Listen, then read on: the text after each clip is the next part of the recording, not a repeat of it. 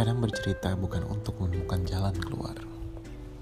Karena kadang kita hanya butuh didengar, bukan dikasih komentar.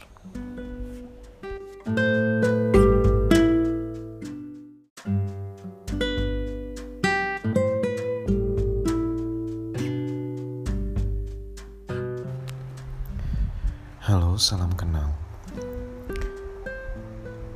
Sudah bisa diduga saya adalah salah satu pendengar podcast ini yang ikut-ikutan berbagi cerita.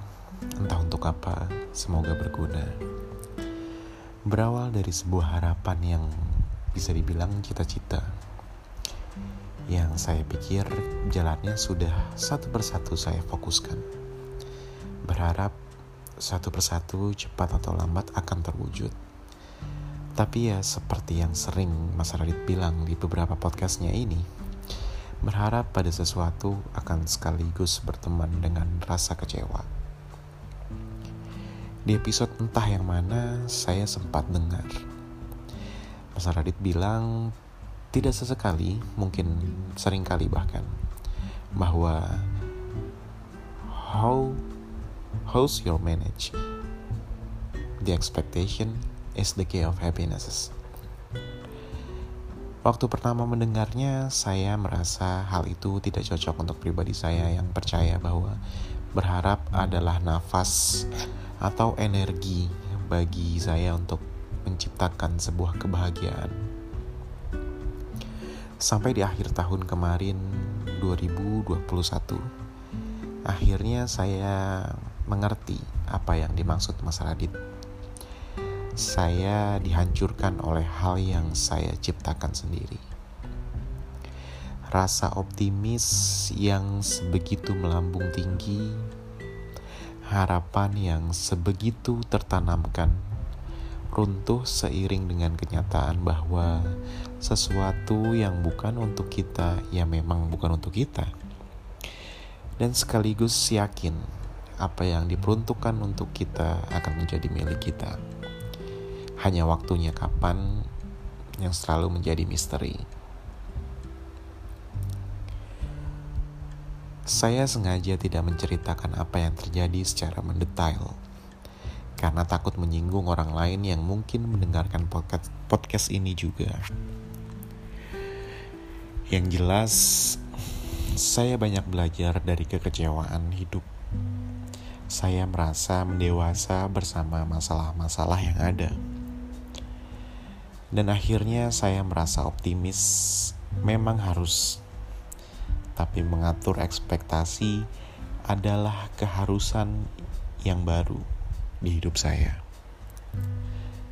Terima kasih sudah membacakan tulisan yang saya sendiri tak yakin akan dibacakan. Sehat selalu semuanya.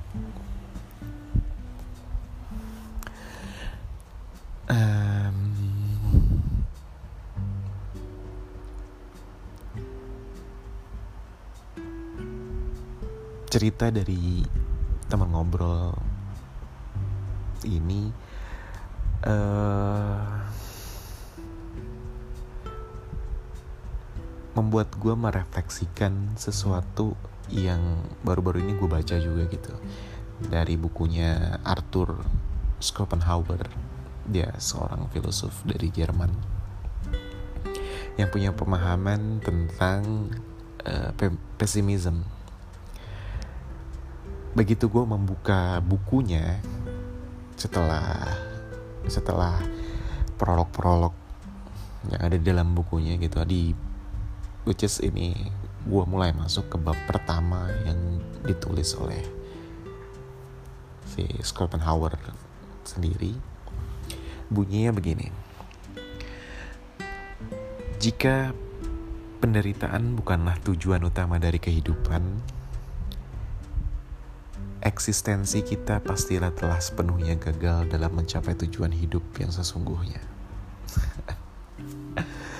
ya karena konteksnya ini adalah pemahaman tentang pesimism gitu, tentang sesuatu yang pesimis berlawanan sangat amat bertentangan dengan rasa-rasa optimis gitu. bukan berarti gue adalah seorang penganut paham pesimism gitu tapi dengan membaca buku Arthur Schopenhauer ini gue jadi kembali berkontemplasi dan merefleksikan diri gitu kalau iya ya gitu. Di agama yang diajar di agama yang gue anut aja diajarkan bahwa dunia ini ya memang penjara quote unquote untuk untuk seseorang yang beriman gitu bahwa dunia ini memang secepat itu gitu bahwa dunia ini memang ya hanya secuil kenikmatannya dibandingkan kehidupan yang abadi kelak gitu. I don't know, teman ngobrol di sini mungkin gak semuanya uh, setuju dengan apa yang gue ucapkan barusan gitu. Apalagi jelas mungkin keyakinan teman-teman ngobrol di sini pun berbeda-beda. Bukan bermaksud untuk hmm, apa ya memaksakan apa yang gue percaya, tapi gue cuman dalam konteksnya adalah uh, replay atau menanggapi apa ya sebutannya menemani dalam tanda kutip uh, teman ngobrol kita yang mengirimkan tulisan di episode ini gitu yang dia bilang gitu kalau misalnya dia yakin banget akan cita-citanya dia yakin banget akan harapan-harapan yang dia bangun pelan-pelan step by step gitu untuk mewujudkan sesuatu sesuatu yang bisa membahagiakan buat dia gitu. Well, siapa yang nggak nggak melakukan hal itu, termasuk gue. Gue pernah ada di fase yang menurut gue gue lupa akan sebuah apa ya sebuah kata atau sebuah pengertian atau sebuah dogma atau sebuah apa ya nyebutnya apa yang enak? Bahwa apa yang kita rencanakan ya hanya bisa kita rencanakan akhirnya bukan kita yang menentukan gitu kita udah sedemikian rupa jungkir balik sedemikian rupa berusaha mewujudkan apa yang kita cita-cita cita-citakan, mewujudkan apa yang diharapkan. Tapi kalau memang bukan itu yang harus kita dapatkan, ya mau gimana lagi gitu. Kita berpikir kalau hal itu adalah hal yang paling cocok, yang paling sesuai, dengan latar belakang usaha yang sudah kita lakukan gitu. Kayak nggak ada hal lain yang paling pantas yang kita dapatkan selain yang kita harapkan itu gitu. Tapi nggak nggak begitu cara kerjanya hidup ternyata nggak begitu. Setelah gue tahu atau setelah gue sendiri mengalami kegagalan dan teman ngobrol kita kali ini mengalami kegagalan yang sama atau iya so-so lah. Aku gue nggak tahu dia mengalami kegagalan dalam hal apa gitu. Dan gak harus spesifik memang. Namanya kegagalan bisa macam-macam anyway. Bisa kegagalan dalam berbisnis kegagalan dalam relationship kegagalan dalam masuk perguruan tinggi yang diinginkan atau kegagalan dalam kita tidak mendapatkan apresiasi yang baik ketika kita di dunia kerja gitu. Banyak hal yang kita harapkan, banyak hal yang kita inginkan terjadi karena latar belakang usaha kita yang ini kayaknya kalau usahanya ini satu-satunya garis finishnya adalah sebuah hal yang kita impikan atau sebuah hal yang kita harapkan. Ternyata cara kerja hidup tidak begitu gitu loh. Seperti yang teman ngobrol kita bilang dia bilang kalau ya in at the end of the day cara belajar seseorang, cara belajar manusia terhadap kehidupan adalah mungkin dari kegagalan satu ke kegagalan yang lain. Bahkan dari kekecewaan satu ke kekecewaan yang lain gitu. gue pernah ngobrol sekilas tentang buku yang sedang gue baca tadi ya yang ke kemarin gue baca tentang pesimism gitu kalau terus teman gue bilang gitu kalau ah lucu juga ya uh, pola pikir si Arthur Schopenhauer ini dia bilang the more we suffer the more we feel alive gitu.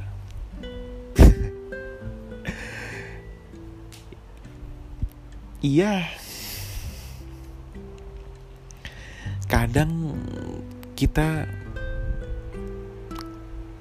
hmm, gimana ya tidak menghargai sesuatu yang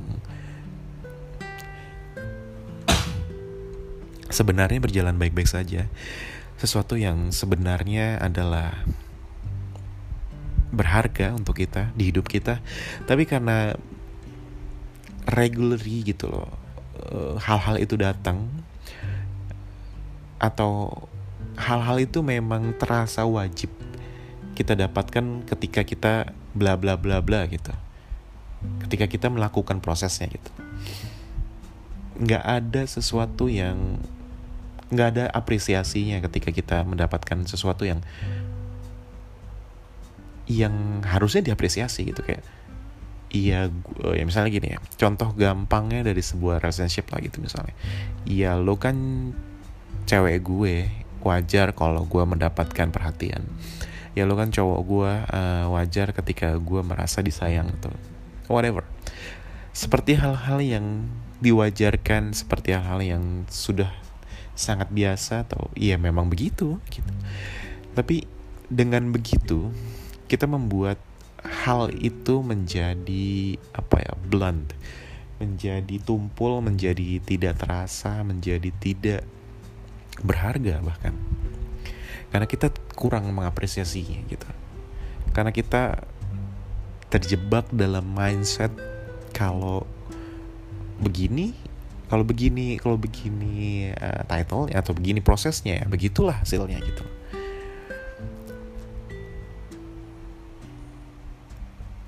Oleh sebab itu menurut gue kekecewaan kegagalan hadir di tengah-tengah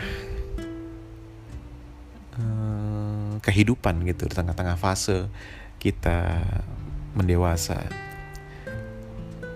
Untuk sekedar membeli pembelajaran untuk sekedar hmm, memberikan statement atas uh, kehadiran sesuatu yang harusnya diapresiasi gitu.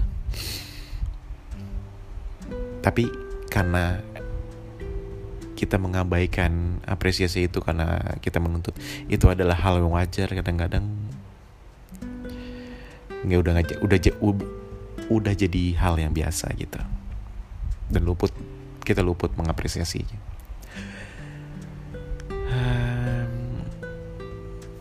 Nggak um, tahu ya. Gue merasa cukup didewasakan oleh masalah satu ke masalah yang lain dan kehilangan satu dan kehilangan yang lain gitu. Ya tiap orang pasti punya permasalahan hidup yang masing-masing tiap orang pasti punya kegagalan yang masing-masing punya kehilangan yang masing-masing. I know. Tapi ada banyak orang juga yang tidak bisa mengambil hikmah quote unquote atau hal-hal positif dari yang terjadi di dalam hidupnya gitu loh. Karena melihat sisi positif dari sebuah kegagalan atau sebuah kekecewaan, menurut gue adalah uh, suatu tingkat tersendiri akan apa ya menghadapi sebuah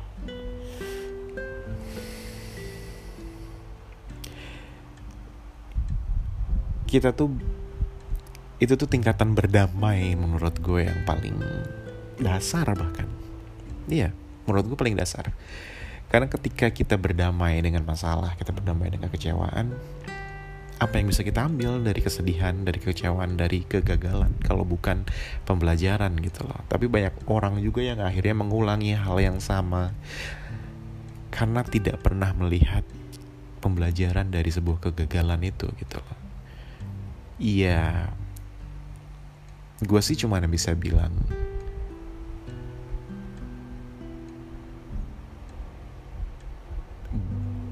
bisa bilang apa ya? Congratulations untuk teman ngobrol yang kali ini mengirimkan ceritanya ketika ada sebuah permasalahan terus lu sadar kalau itu adalah hal yang bisa membuat lo semakin kuat hal yang bisa membuat lo mendewasa gitu loh karena banyak orang yang tidak bisa menjadikan itu sebuah value baru di hidupnya gitu. Gue sendiri pun merasakan value-value yang mungkin tidak pernah gue lihat ketika dulu gue tidak pernah kena masalah gitu. Tapi by time when I'm coming in the adult life gitu mau nggak mau gue berpikir lebih kritis mau nggak mau gue melihat kehidupan yang gue jalani tidak seperti kehidupan gue yang yang dulu gue jalani gitu. Kehidupan ya gue masih menyebut gue muda tapi gue rasa keadaannya tidak semudah itu yang sedang gue alami gitu. Mungkin yang sedang teman ngobrol juga alamin Iya tiap orang punya masalahnya masing-masing anyway. Yang gue setuju dari tulisan teman ngobrol yang kali ini mengirimkan ceritanya adalah ya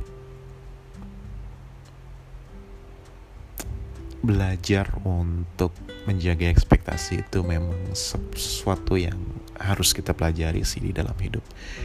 Karena berekspektasi kepada makhluk sama dengan kita berteman dengan kekecewaan So, terima kasih buat teman ngobrol yang sudah membagikan ceritanya by DM seperti ini. Untuk teman-teman ngobrol yang juga pengen membagikan ceritanya ke gue gitu untuk mungkin gue bisa ceritakan kembali ke teman ngobrol di podcast ini. Feel free. Nggak nggak perlu memikirkan apakah ini akan dibacakan atau ya pak ini masalah gue sepele atau beratnya? Enggak sih. By time kalau memang itu gue punya experience-nya untuk apa ya menemani quote unquote permasalahan lo kayaknya gue akan bacain anyway gitu. Jangan pernah berpikir ah masalah gue cuman masalah sepele gitu. No man setiap permasalahan orang bisa menjadi pembelajaran buat orang lain gitu So, thank you for having me, teman ngobrol. Sampai ketemu di episode selanjutnya. Assalamualaikum.